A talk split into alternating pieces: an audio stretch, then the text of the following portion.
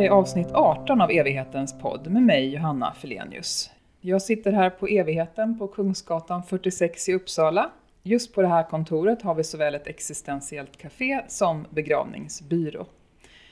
Dagens samtal kommer att kretsa kring ledarskap. Mannen mitt emot mig är sedan knappt tre år tillbaka förbundsordförande för fackförbundet Ledarna med 95 000 anslutna chefer. Han är Uppsalabo, mångårig journalist och tidigare chef inom Sveriges Radio. Det är så våra vägar har korsats. Och dessutom har han varit ordförande för Medieledarna. Hur vana är Sveriges ledare att ha existentiella samtal? Prat om livet och döden är frågor som har krupit allt närmare de flesta utav oss på grund av pandemin, kanske även för landets chefer. Vad kan man förvänta sig av sin chef i en tid som är svår för oss alla? Och hur rustade är de att leda oss genom krisen? Andreas Miller, välkommen hit! Hej och tack så hemskt mycket! Jag tänkte börja där jag alltid börjar i mm. den här podden. Vad är meningen med livet? Jag tycker det är så uppenbart i svåra situationer så bryter ändå livet fram. Och att vi som människor klarar så otroligt mycket. Så för mig är det livet självt, att vi vill. Att vi vill bli fler, att vi vill leva. Det är livets mening. Det låter väldigt, vad ska jag säga, värderingsfritt. Ja, det kan man ju säga på ett sätt. Men om man vill livet så måste man ju värna livet. Och eh, det blir ju inte värderingsfritt. Utan då måste du bestämma dig för hur värnar jag livet framåt. Och hur värnar du själv livet? Jag tycker att det är väldigt viktigt att, att odla relationer. Och relationer är ju både en fråga som chef och ledare, relationer i yrkeslivet. Att alltid tänka att det är faktiskt så att jag kan möta dig igen. Och då vill jag att du ska ha en, en ja men att jag ska ha varit ärlig och schysst mot dig. Men sen tänker jag också att relationer handlar väldigt mycket om i mitt privatliv förstås. Att jag har bra relationer med mina ungdomar, med min fru, med min släkt, mina vänner. Sen är det inte alltid att man lyckas med det. Eller att jag lyckas med det. Jag är långt ifrån perfekt i det avseendet. Men jag tror att man värnar livet genom att värna sina relationer. Det här du säger att du tänker så att du kanske kommer möta en person en gång och sen kanske träffa den igen. Vad skulle konsekvensen kunna bli om vi alla tänkte så alltid? Att jag kommer kanske möta den här, här personen igen och då vill jag kunna möta dens blick. Jag hade en kollega på Sveriges Radio som han tänkte alltid så här, han var en chefskollega och han, han sa så här att jag tänker alltid att praktikanten som sitter mitt emot mig kan bli min chef.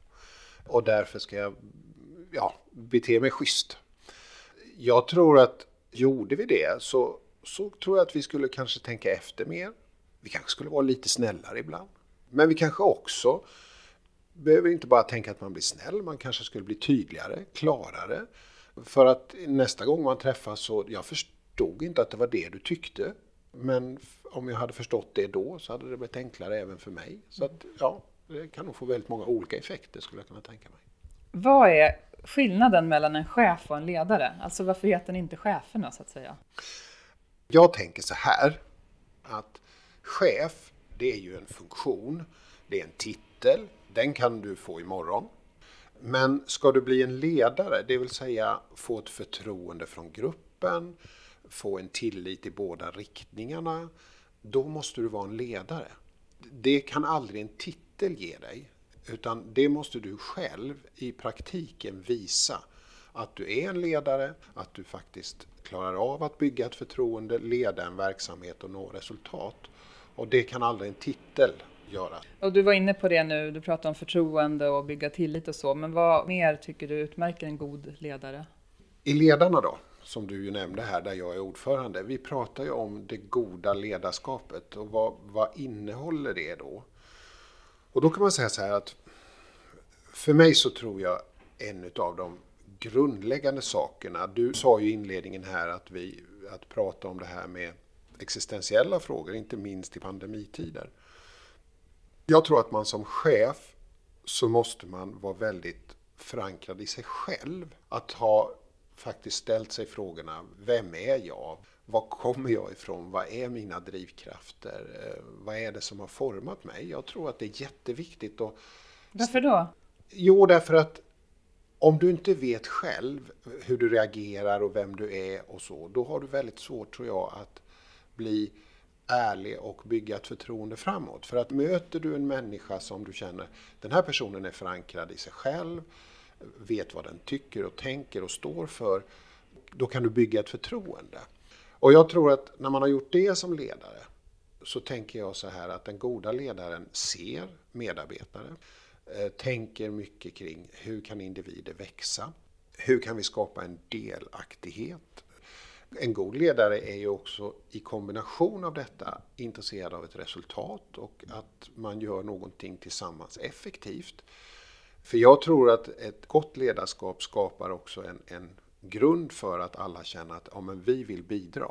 Vi vill göra det här på bästa sätt tillsammans. Jag tänker också att det goda ledarskapet är viktigare än någonsin om vi tittar på ett samhälle som polariseras, ett samhälle som, där det finns människor som känner att de inte är inkluderade.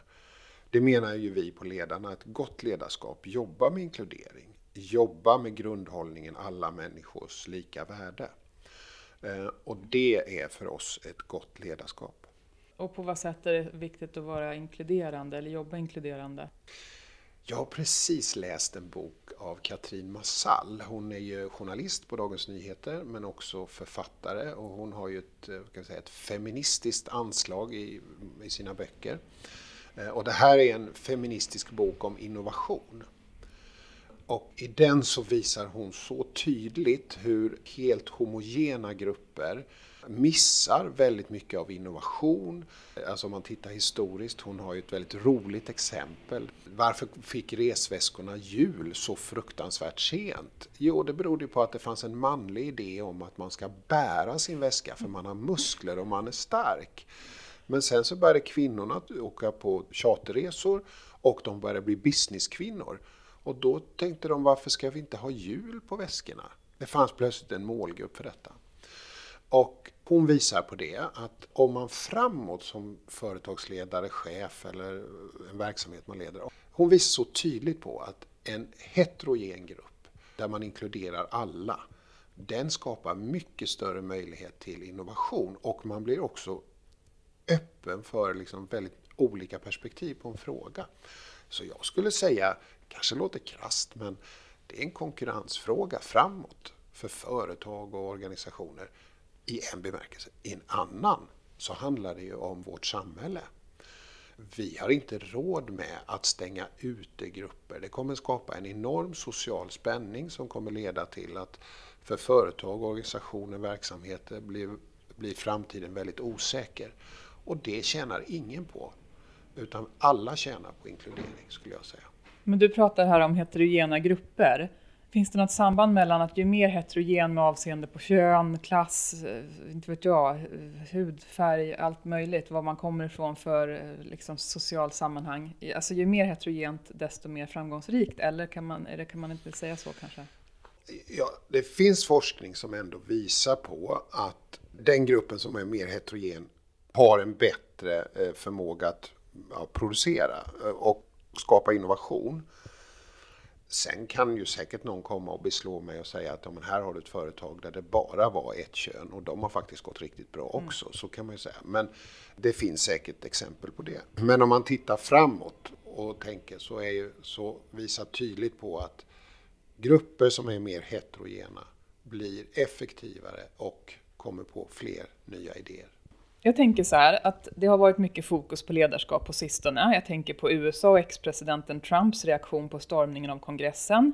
Här hemma har generaldirektören Dan Eliasson vid Myndigheten för samhällsskydd och beredskap avgått efter sin resa till Kanarieöarna för att hälsa på sin dotter. En resa som han gjorde samtidigt som vi uppmuntrades undvika icke nödvändiga resor. Och statsministern och även andra ledande politiker har kritiserats för att ha varit ute i julhandeln Eh, och ledarskapet inom äldreomsorgen är omdiskuterat, liksom anställningsförhållandena där. Vad tänker du om den här, den här liksom prövningen som är nu för våra ledare? Jag tycker att den är rimlig. Det är ju så att som ledare så måste man hela tiden tänka på att man är en förebild. Att man har ett större ansvar än, eh, än kanske den enskilda individen. Särskilt den som är förtroendevald har ju ett extra stort ansvar. Man företräder en grupp, man är en förebild. Så att i den bemärkelsen så måste vi hela tiden diskutera ledarskapet i det offentliga rummet. Sen ska inte jag gå in och bedöma enskilda händelser och så, men jag tycker att det är, det är inte konstigt och det är helt rimligt att vi diskuterar ledarskapet och det är viktigt att tänka på som ledare, särskilt i en sån här krissituation, att det jag säger och det jag gör måste hänga ihop. Och varför är det så viktigt? Ja, det säger sig ju självt tycker jag på något sätt. Att står du och säger att eh, vi ska inte träffas i större grupper, vi ska inte ha några fester nu, vi ska hålla lågt så och sen nästa dag så gör du det själv. Mm. Då, det, blir ju, det blir väldigt ihåligt. Och man måste ju tänka som ledare att jag måste gå före och visa på vad som är rätt och riktigt nu. Jag har ju själv eh, ställt mig de frågorna. Så att säga. Vad kan jag göra i min roll för att bidra till minskad smittspridning? Jag har jobbat hemifrån eh, i, ja, sedan 19 mars. Och du och jag träffas ju nu med behörigt avstånd och så. Så att jag har ju försökt hela tiden att tänka på vad gör jag för att bidra till att vi inte ska öka smittspridningen. Folkhälsomyndigheten rekommenderar att så många som möjligt just arbetar hemifrån. Hur ser du på orättvisan i det här? Att vissa jobb kan med lätthet skötas på distans och i andra branscher så är det stört omöjligt. Jag tänker ju att som chef och ledare här så gäller det att inte gå in i orättvisetänkandet. Utan här gäller det ju som chef och ledare att vi har ett uppdrag att tillsammans i samhället minska smittspridningen. Delar av vår verksamhet går att flytta hem. Delar av vår verksamhet vet vi absolut inte går att flytta hem. Då måste man ju som chef och ledare, hur jobbar jag nu med båda grupperna? Och inte minst då för de som måste vara på arbetsplatsen så är det klart att då måste man ju dels ta oron på stort allvar. Man måste verkligen gå igenom vad kan vi göra här för att, för att minimera smittspridningen men också ta medarbetarnas oro på största allvar. Vilka medarbetare kan inte jobba här på grund av kanske egen riskgruppstillhörighet eller anhörig och så. Vi har ju på Ledarna frågat cheferna under den här perioden omkring hur har det varit att leda i pandemin. Dels har vi sett att det är ungefär 60 procent av våra chefer som jobbar på arbetsplatsen. 40 procent jobbar hemma. Och då kan man ju fråga, har 60 procent, varför gör ni det? Frågade vi då. Varför är ni kvar på arbetet? Och då kan man säga att den främsta orsaken till det, det är ju att verksamheten kräver det. Det är liksom en typ av produktion, den går inte att flytta hem. Men sen är det ju chefer också som säger att jag känner att jag vet att vår produktion måste fortsätta. Och att jag då som chef inte är på plats blir fel för mig. Jag behöver visa min solidaritet med de som måste jobba fysiskt på arbetsplatsen. Och sen är det ju så här att det här ser så enormt olika ut. I kunskapssektorn, i tjänstesektorn har det ju varit jättelätt att flytta hem. Men ja, ta en chef till exempel på ett företag nere i Småland som jag har kontakt med. Jag menar, det går inte att flytta hem den produktionen. Och det har ju varit ett jättejobb att skapa avstånd runt maskinerna, att skapa avstånd liksom i lunchrummet, att ändra passen. Det har ju varit ett jättejobb liksom, att göra detta. Jag förstår att det är svårt att kanske generalisera, men eh, vad vittnar landets ledare som ni har varit i kontakt med om hur det har gått att ställa om i den mån det är verksamhet som faktiskt går att ställa om? Jag måste säga att jag är i de kontakter jag har haft med väldigt många chefer under den här pandemin så är jag djupt imponerad över vilket jobb som har gjorts. Alltså, jag har ju mött chefer som säger så här. Ja, vi har aldrig haft så lite att göra vad det gäller rent produktionsmässigt. Samtidigt som jag som chef aldrig haft så mycket att göra för att kunna rädda det som räddas kan. Jag har ju mött motsatsen. Vi har ju väldigt många chefer inom vård och omsorg. Och jag menar, de har ju slitit och sliter något enormt. Och där handlar det ju mer om Hur ska jag få medarbetarna att orka? Hur ska jag också som chef, som själv orka jobba med det här? Och då kan man säga så här att det som vi ser i undersökningarna det är ju att cheferna har blivit mycket mer operativa, alltså de har kommit närmare verksamheten för det har krävt det. Men det som också de lyfter och, och, som ligger lite i anklang med det du också sa i din inledning, det är att de tycker att det som har blivit svårare, och då gäller det de som leder på distans, det är att ha de svåra samtalen, att ha krissamtalen och att de efterlyser faktiskt stöd och råd inom svåra samtal och krissamtal. Precis, jag tänker vi kommer mer in på det där sen då, att de efterlyser då krisstöd så att säga. Men vad ser du för fördelar med distansarbete med mycket skärmhäng? Ja, vi hade en lite intressant situation på ledarna. Vi gjorde en jättestor undersökning bland 5000 chefer drygt, där vi frågade om framtiden och hur de såg på den. Vi var precis klara med den när pandemin bröt ut. Det var ju inte så optimalt, för nu kom det ju plötsligt en enorm påverkan på framtiden kan man säga. Så vi sa så här, äh, men vi, får, vi får ta den undersökningen och så får vi ställa om frågorna. Så vi gjorde det precis före sommaren till eh, cheferna igen. Och då visade sig det att fördelarna så är det så här att väldigt många chefer har blivit mycket mer positiva till digitalisering jämfört då med den tidigare undersökningen. Så, så, av att ha tvingats? Ja, de har blivit mycket mer positiva därför att de upplevde att det här funkade. Det som är också väldigt intressant att se, det är att fyra av tio chefer säger att de har blivit mycket mer öppna för innovation, alltså nytänkande, därför att det här skedde på en natt och det funkade. Och om vi kan förändra någonting så snabbt, då kan vi förändra mycket annat också.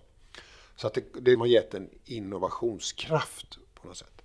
Sen upplever flera att en, en kvinna som är chef i en större internationell koncern, har huvudkontor i Sverige och de har ju varit en grupp kanske på 6-7 personer som har suttit i ett rum i Sverige och så har de kopplat upp världen, liksom, kanske 6-7 personer som har suttit med varsin skärm då tidigare. Och det har alltid funnits en obalans i det där mötet för de som sitter i det fysiska rummet har liksom haft ett övertag. Och hon upplever ju nu att Eh, nu blir det mycket mer jämlikt. Alla deltar på samma villkor och det blir, tycker hon, stundtals en kreativare diskussion. Så det är klart att det är en positiv effekt. Men hon säger också att hon har inte kunnat vara ute och resa på samma sätt som hon skulle behöva. Hon är ganska nytillträdd och eh, har inte sett vissa av fabrikerna ute i världen. Och då har man ordnat virtuella, ja en studiedag helt enkelt, virtuellt, där man har gått igenom hela fabriken. Och hon har suttit i sitt hem och, och gått igenom fabrikerna. Och det funkar? Det är klart att hon skulle tycka att det var bättre om hon var på plats. Men utifrån omständigheterna så blev det en riktigt bra lösning. Om vi då fortsätter prata om de jobb som går att göra mer till distansarbete. Tror du att vi blir mer eller mindre effektiva av att inte träffas så mycket? Eller inte alls? Jag tänker så här att om man börjar blicka lite framåt så brukar jag säga det här att det kommer inte vara som det var förut. Det kommer inte vara som det är nu. Utan det kommer ju komma någonting nytt ur det här. Och jag, jag tror att vi har blivit väldigt effektiva i de här operativa sakerna som måste rulla på. Men det som man förlorar är ju det här sociala kittet. Ensamheten blir mycket mer påtaglig. Man ska inte glömma bort att för många så är arbetsplatsen också en väldigt viktig social mötesplats. Och det är ju många chefer som har fått hantera medarbetare som man är ensamstående. Man kanske inte har så stort socialt umgänge. Och så har man blivit i princip isolerad. Det är en jätteutmaning. Och det är klart att det på sikt så gör det också ens arbetsförmåga mindre. Så att det blir en chefsfråga. Det blir en arbetsmiljöfråga. Så att jag tror ju att vi kommer återgå mycket till de fysiska mötena men inte i samma utsträckning som vi gjorde innan. Det vi märker i internationella bolag nu, där säger cheferna så här att de här resorna till Tyskland över en dag, de är ett minne blott. Det gick ju jättebra att ha det här videomötet istället för att flyga fram och tillbaka och så. Du pratade om det här med att en baksida, eller en sak som landets ledare tycker är svårare då, som ni har märkt av, det är det här med, med svåra samtal, krissamtal så att säga. Vad tror du att det handlar om? Vad är det som gör att de blir lidande så att säga, att det är svårt att ha dem på distans? Det digitala samtalet är ju, det blir ju platt.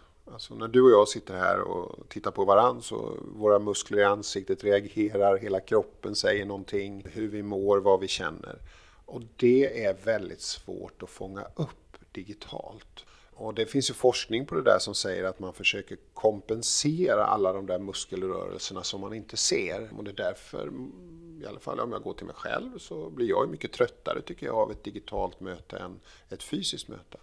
Och det är ju det cheferna känner att kliva in i en, ja, men en existentiell fråga. Alltså hur mår du egentligen? Är det så att du dricker för mycket? Är det, eller är du ensam och så vidare? Det är ju, du kommer in i ett landskap där du liksom måste känna hur reagerar min medarbetare på det här nu? Vad är det som händer? Låser det sig eller kommer en, ett mörkt drag över ansiktet? Det där är ju jättesvårt att se digitalt. Man känner ju att man vill vara närvarande, att man vill liksom få hela människans kommunikation sig till del för att förstå. Det handlar väl om, vi har ett kroppsspråk och vi har ju också en förståelse av den kroppsliga intelligensen. Vi läser ju inte bara, det är inte bara det jag säger utan det är också på det sätt jag säger det och på det sätt min kropp förmedlar budskapet vidare. Och så så hur, hur gör de? I vissa lägen går det ju inte att träffas fysiskt på grund av läget. Då har jag hört chefer som gör så här. De säger så här, ja men vi släpper skärmen. Vi tar bara mobiltelefonen och så går vi ut och går båda två. Då tar man ju bort det där att man ser varandra, men det blir liksom det rörelse. Det blir som att man promenerar tillsammans.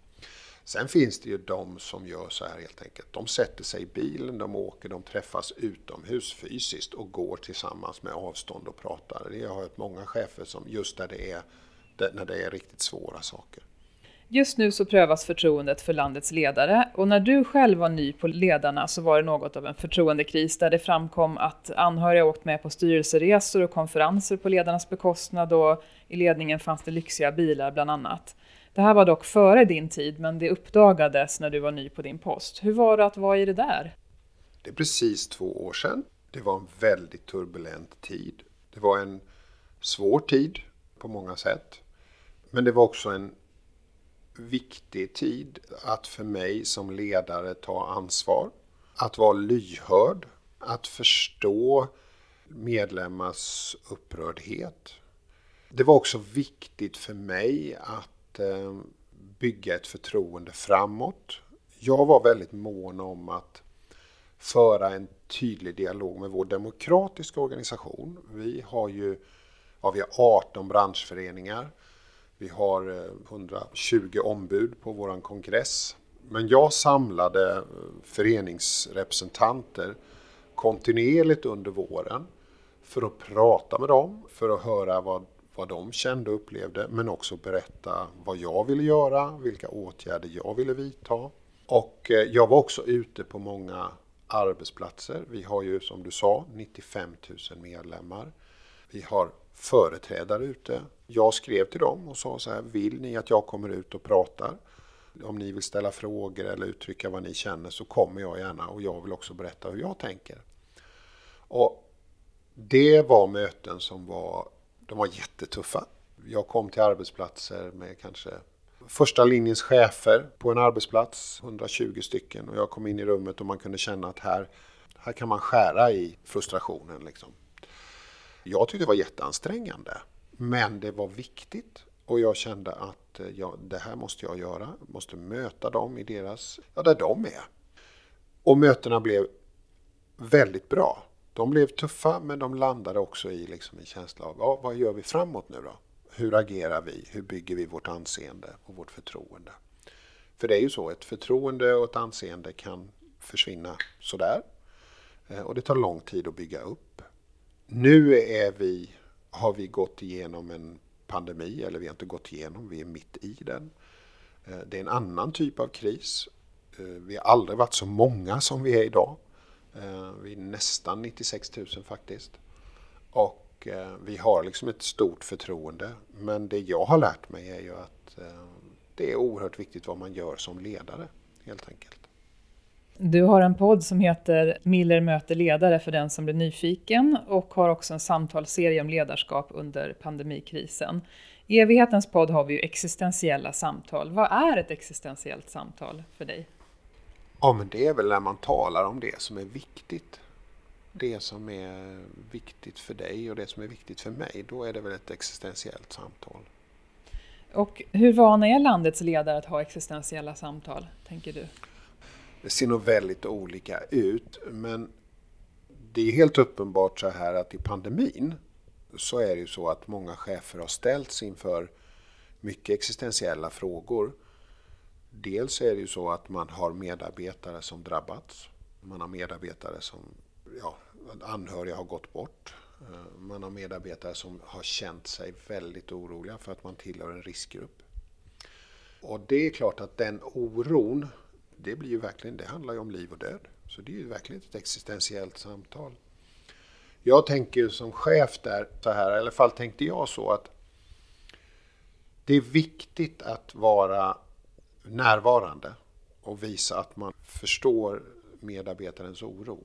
Men det är också viktigt som chef att tänka att det är kanske inte jag som ska föra alla de här existentiella samtalen för då kommer inte jag orka. Utan det gäller att ha, tänker jag, bra kontakt med en företagshälsovård eller andra typer av kontakter dit man kan ge medarbetarna möjlighet att bearbeta sin oro och få möjlighet att prata om det man känner i en sån här situation. Och sen är det alltid det där med vad är privatliv och vad är arbetsliv. Men för mig är det ju så, har det varit så i mitt chefskap att många gånger är det ju så att det som händer i privatlivet påverkar väldigt ofta arbetslivet. Och ska man få arbetslivet att fungera då måste man som chef och ledare vara med och skapa förutsättningar för att, att faktiskt medarbetaren har möjlighet att analysera, diskutera, tänka existentiellt runt hur, hur kan jag förändra min situation. Det var ju som jag sa inledningsvis så tror jag det är otroligt viktigt att som chef fundera över vem är jag, vad är mina drivkrafter, vad är, vad är mina värderingar och så. Och har man hyfsad koll på det landskapet som man har vuxit upp i eller som man har präglats av så tror jag man har mycket större möjlighet att vara närvarande i en sån här situation. Om man så att säga har lite koll på sin egen rädsla, sin egen ångest eller sin egen liksom sådär. Då har man ju också lättare tror jag för att möta någon i det. Eh, än om man inte har bearbetat det alls själv. Precis, du sa i början det här att det är viktigt att känna sig själv och, och även sina förtjänster och baksidor och styrkor och svagheter som mm, chef och mm, ledare. Mm. Absolut, men pandemin prövar ju det också. Du kanske är jätteorolig för din gamla mamma som, mm. som chef. Hur sjutton ska det gå med vår produktion? V vad ska man göra med det som ledare för att inte sprida det till medarbetarna? Jag tror att man som chef hela tiden också ska tänka på sin egen arbetsmiljö. Hur kan jag skapa mig ett andrum någonstans? Hur kan jag faktiskt hitta någon utanför min organisation där jag kan prata om hur jag mår, vad jag känner. För det är precis som du säger att som chef och ledare ska man ju se till att alltså, man ska hitta sitt forum för att prata om sin egen rädsla och sin egen oro.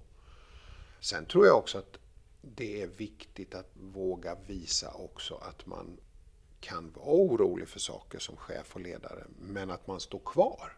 Och att man liksom är med och tar itu med det. För det är inte heller bra om man som chef och ledare, tror jag, spelar upp en fasad om att allting är okej okay, när alla andra känner att det inte är det. Det gäller ju att vara autentisk också till verkligheten. Så det är okej okay att visa sin sårbarhet, men inte låta den ta över. Och så låter det som att du tycker att, du uppmuntrar både chefer och ledare och medarbetare att ta hjälp? Extern hjälp? Ja, det gör jag absolut. Det har jag gjort i mitt liv och jag tycker att det har varit eh, helt nödvändigt för att klara chefskapet, för att klara uppdraget, men också för att växa som individ och människa. Du var inne på det här förut att um, chefer och ledare tycker att de behöver hjälp i att uh, leda svåra samtal med medarbetare. Hur kan ni på fackförbundet Ledarna hjälpa dem i det här? Ja, vi har ju lite olika tjänster då. Dels har vi ju något som vi kallar chefsrådgivningen som är öppen varje vardag Och vi har ju haft en enormt tryck på den under pandemin. Vi, vissa dagar har vi haft över 300 procents ökning under en lite längre period. Dels handlar det ju om förstås ganska rent så här chefsfrågor, liksom korttidspermitteringar, eh, omställningar. Sånt som kan lösas? Ja, sånt som kan lösas på ett sätt kan man säga. Eller som är mer klassiska, traditionella arbetsrättsliga frågor. Men sen kommer det ju mycket frågor av mer existentiell art. Jag har en medarbetare som mår så här och så här, hur, hur ska jag göra? Då har vi väldigt professionella rådgivare som har varit chefer, som har själva befunnit sig i den här situationen och som kan vara där och ge väldigt goda råd och stöd. Så. Sen har vi en annan del och det är ju, mår du själv dåligt som chef? Och där har vi öppnat upp för ja, ditt egna svåra samtal, eller det samtal du, där du själv behöver prata om hur du mår. Och dit ringer också chefer. Och där kan vi ju se, tyvärr måste vi väl säga då, att den psykosociala situationen för många chefer är väldigt pressad. Och att det är många gånger de behöver verkligen den här ventilen. Att prata med någon om bara hur mår jag? Vad känner jag? Mm. Apropå det här med ökad belastning. Har ni resurser så det räcker för att möta ledarna som behöver extra hjälp och kanske en annan typ av hjälp än vad de brukar behöva? Det är förstås en fråga som vår ledning och vår VD jobbar med hela tiden. Vi har ju fått strukturera om eh, vår verksamhet ganska mycket under pandemin. Föra medarbetare till eh, den här typen av chefsrådgivning efter att trycket har varit mycket större där. Vår utbildningsverksamhet initialt, fysiska kurser, gick ju ner direkt och då fick vi flytta personal och så. Man har en väldig vaksamhet på hur, hur medarbetarna på ledarna mår och hur klarar man det här ökade trycket och vad behöver man göra för att lasta av och så vidare. Vad, vad, tror du blir viktigt för att den psykosociala hälsan för landets ledare inte ska bli lidande på lång sikt? Vi kan ju se så här, när vi tittar på pandemin nu så är det ju någonting som blivit väldigt uppenbart. Om vi tittar på äldreomsorgen, den har hamnat i blixtbelysning. Och äldreomsorgscheferna, där har vi på ledarna varit väldigt tydliga i den offentliga diskussionen under, under hela det här året att de har inte rätt förutsättningar eh, generellt. Om vi tittar på eh, så har de alldeles för stora medarbetargrupper. Alltså de kan ha uppåt en 50-60 medarbetare. Det är ingen chef som klarar av det, att hålla liksom ett bra ledarskap till 50-60 personer. De har ingen tid för återhämtning, ingen tid för reflektion som, som liksom går att säga är okej. Okay. Vi pratar om hållbara chefer inom ledarna och det är någonting som vi har pratat om väldigt länge. Och det handlar ju om att cheferna måste ha rätt förutsättningar tid, mandat, resurser. Men man måste också ha tid för återhämtning och reflektion. Och det tycker jag blivit väldigt uppenbart att det politiska ledarskapet i Sverige i kommuner och regioner har inte prioriterat ledarskapet om man tittar historiskt. Då talar vi om det operativa ledarskapet i ja, äldreomsorgen men också inom sjukvården skulle jag säga. Och det är ju någonting, om man blickar lite framåt, så är ju det någonting som politiken måste fundera över. Hur ger man det operativa ledarskapet bättre förutsättningar? Och hur optimistisk eller pessimistisk är du? Ja, vi kommer fortsätta driva den frågan väldigt hårt. Man kan säga så här, det blev väldigt uppenbart att det är väldigt dyrt att inte prioritera ledarskapet. Initialt kan man ju tänka att det är kostnadseffektivt. Men om vi tittar på det nu så är det ju faktiskt så.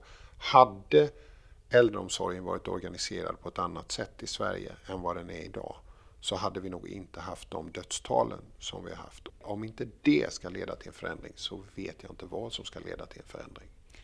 Om vi höjer blicken och ser några år framåt, hur tror du att coronapandemin kommer att ha påverkat ledarskapet i Sverige? Dels så, så, är det väl uppenbart att det politiska ledarskapet måste fundera över hur man får en bättre organisering genom både stat, regioner och kommuner. Där tror jag att väldigt många kommer att eh, vara involverade i det. Men jag tror för den enskilda chefen så kommer det se väldigt olika ut. Det som blir väldigt uppenbart är ju att leda på distans. Det kommer vi fortsätta med. Vi ser ju nu företag som säger att de erbjuder sina medarbetare att jobba hemifrån för alltid. Det gör ju att man måste fundera över, jaha, vad betyder det för arbetsmiljön? Arbetsmiljöansvaret finns kvar. Hur ska jag hantera det som chef och ledare framåt? Vi kommer ju också ha chefer och ledare som kommer inse att den här verksamheten som vi har drivit den, det kan vi inte göra längre. Vi kommer få driva den på ett helt annat sätt. Det kommer påverka på en massa olika sätt framåt.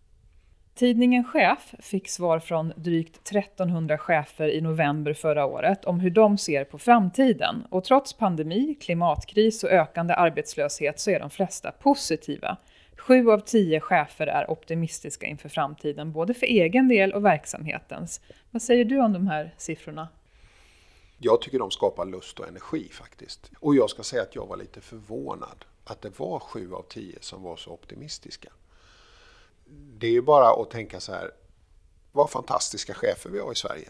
Som har den här framåtandan, som vill ta den här krisens möjligheter om man får uttrycka det så. Och det är det jag märker, det finns en enorm lust och energi att faktiskt också använda den här situationen till att skapa någonting nytt och skapa en framtid.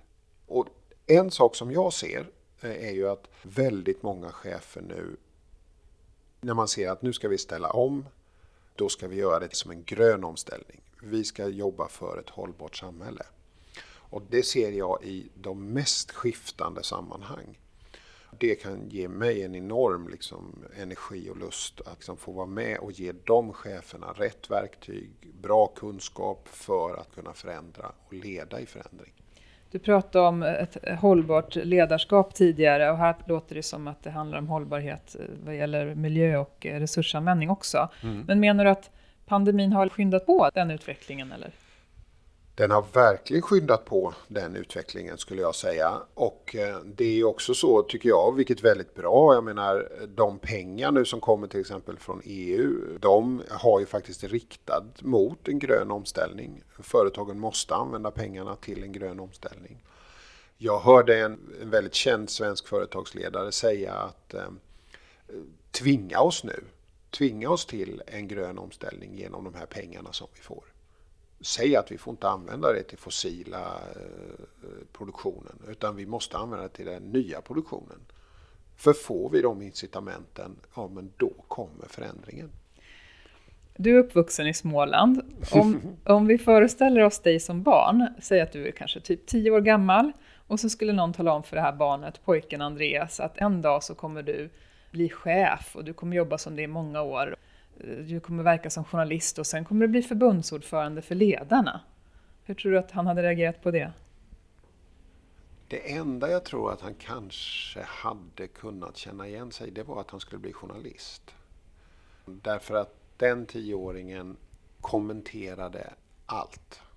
Jag blev känd i barnkretsen där, om vi spelade tennis på gatan till exempel. Då satte jag mig och kommenterade matchen.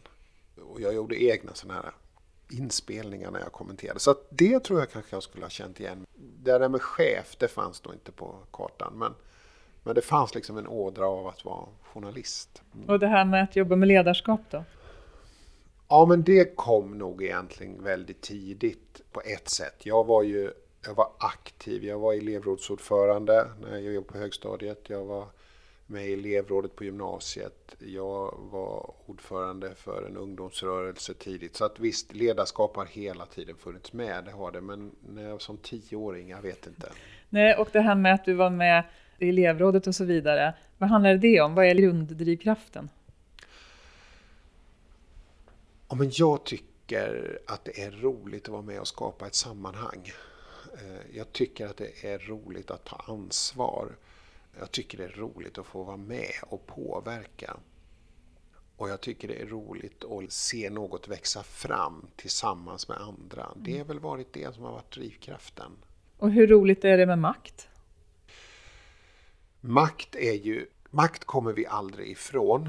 Makt kommer alltid att finnas och det sker alltid en maktfördelning i samhället. Och det jag tänker är att Man måste vara väldigt medveten om att man har makt. Jag har makt. Jag måste vara väldigt noga med vad gör jag med min makt? Hur använder jag min makt? Hur skapar jag en, en delaktighet med min makt? Makt för mig är i en bemärkelse ett, ett neutralt ord. Det, det viktiga är vad man gör med den. Du flyttade till Uppsala för att studera bland annat freds och konfliktkunskap, blev kvar här. Och det är här dina numera tre vuxna barn är uppvuxna. Och så går du regelbundet till Missionskyrkan och har tidigare haft förtroendeuppdrag där. Vad tror du på? Ja, men jag är kristen. Eh, så är det för mig. Jag har en tro. Egentligen handlar det om för mig att det finns någonting mer än det vi bara ser och hör. Eh, och ibland kallar jag det för en andlig dimension. Och eh, jag kan möta den i naturen, i konsten, i musiken. Så det behöver inte bara vara i kyrkorummet? Absolut inte. Kyrkorummet kan vara det för mig också, men det är inte alltid det. det är den andliga dimensionen, det, ja, jag kan känna den på väldigt många olika ställen. Liksom. Men du säger det här med någon slags självklarhet, så här, jag är kristen. Hur blev det så? Eller finns det liksom något före? jag växte ju upp i en kristen familj, så jag har ju det med mig på det sättet. Men jag skulle säga att jag har... Det mycket, har blivit mycket mer av en, en grundton i mig. När jag växte upp så var det ju väldigt mycket levnadsregler som jag kan känna mig helt främmande inför idag. Till exempel? Nej, men liksom vad man inte fick och fick göra. Och någon slags syndakatalog som ju var helt, eh, som helt omodern. Och helt, Kanske ett, ett patriarkalt Ja, patriarkalt och ganska jantelagsmässigt och så. Och det är jag ju helt ointresserad av och eh, tänker att det där har inte med min tro att göra överhuvudtaget. Utan mer handlar det ju om att den tro jag har, det är ju mer en grundton i mig. Som jag försöker få fatt i i mitt liv med jämna mellanrum genom reflektion eller liksom när jag är ute och går i naturen eller sådär. Du pratade inledningsvis om hur viktigt det är för eh, chefer och ledare att känna sig själva. Mm. Vad tror du att din tro betyder där? Trygghet kanske, eller inte vet jag? Det gör det. Det finns en trygghet till det, även om den inte befriar mig från oro, även om den inte befriar mig från att, eh, så att säga, ifrågasätta mig själv och diskutera och sådär. Det är liksom inte den tryggheten på det sättet. Men när jag pratar om det här brukar jag återvända till Thomas Tranströmer som jag läser mycket, eller har läst mycket genom åren. Och det finns en dikt som jag tror flera känner igen och det är ju den här romanska bågar i diktsamlingen för levande och döda. Han är ju i en romansk kyrka där valven liksom bakom valv oändligt böljar. Och, eh, och då finns det den här strofen som jag återvänder till, som där det är ju en, i dikten då en ängel utan ansikte som omfamnar jaget i dikten. Och, eh, och då viskar ju den här ängeln genom hela kroppen. Skäms inte för att du är människa, var stolt. Inne i dig öppnar sig valv bakom valv oändligt. Du blir aldrig färdig. Och det är som det ska. Och det är mitt evangelium. Jag försöker tänka så när jag tänker människor. Du har ett valv bakom valv. Du, du bär på en historia. Jag vill vara nyfiken på den, jag vill möta dig. Och du och jag är människor. Vi ska inte skämmas för det, utan vi ska vara stolta över det. Och vad kan vi göra tillsammans? Det är min grundton på något sätt. För vad händer med dig, tänker du, om du kan ha det synsättet i mötet med människor? Jag hoppas att jag blir en lyssnande person att jag blir en person som kan möta dig eller skapa ett möte tillsammans med dig som blir viktigt för oss båda. Och som kan leda till att vi kanske utvecklar den verksamhet vi håller på med. Eller att vi just kanske därför att det är ett existentiellt samtal, att vi kan förstå en liten skärva till av vad det är att vara människa. Du har gett oss bilder nu här med valv och bågar och vad har du för bilder av livet efter detta, om någon? Ja, jag visste att du skulle fråga mig om det och jag, jag tänkte så här, jag tänker väldigt lite på det faktiskt. Och jag funderar på varför gör jag det? Alltså jag, jag är så mycket här och nu. Livet självt pockar på i alla möjliga avseenden. Och jag, jag har inte någon direkt föreställning om det faktiskt. Jag, och hur är det? Det är inget konstigt för mig. Jag tänker att ja, ja, den dagen kommer, tänker jag. Hur vill du själv bli ihågkommen när du inte vandrar kvar på den här jorden längre, Andreas? Jag vill bli ihågkommen för att jag, när mina vänner, min familj, min släkt eh, uttryckte att de behövde mig så ska de uppleva att jag fanns till för dem.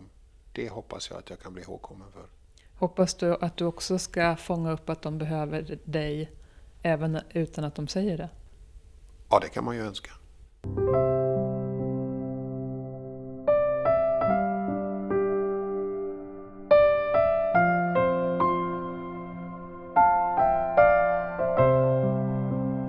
Det säger Andreas Miller här i evighetens podd.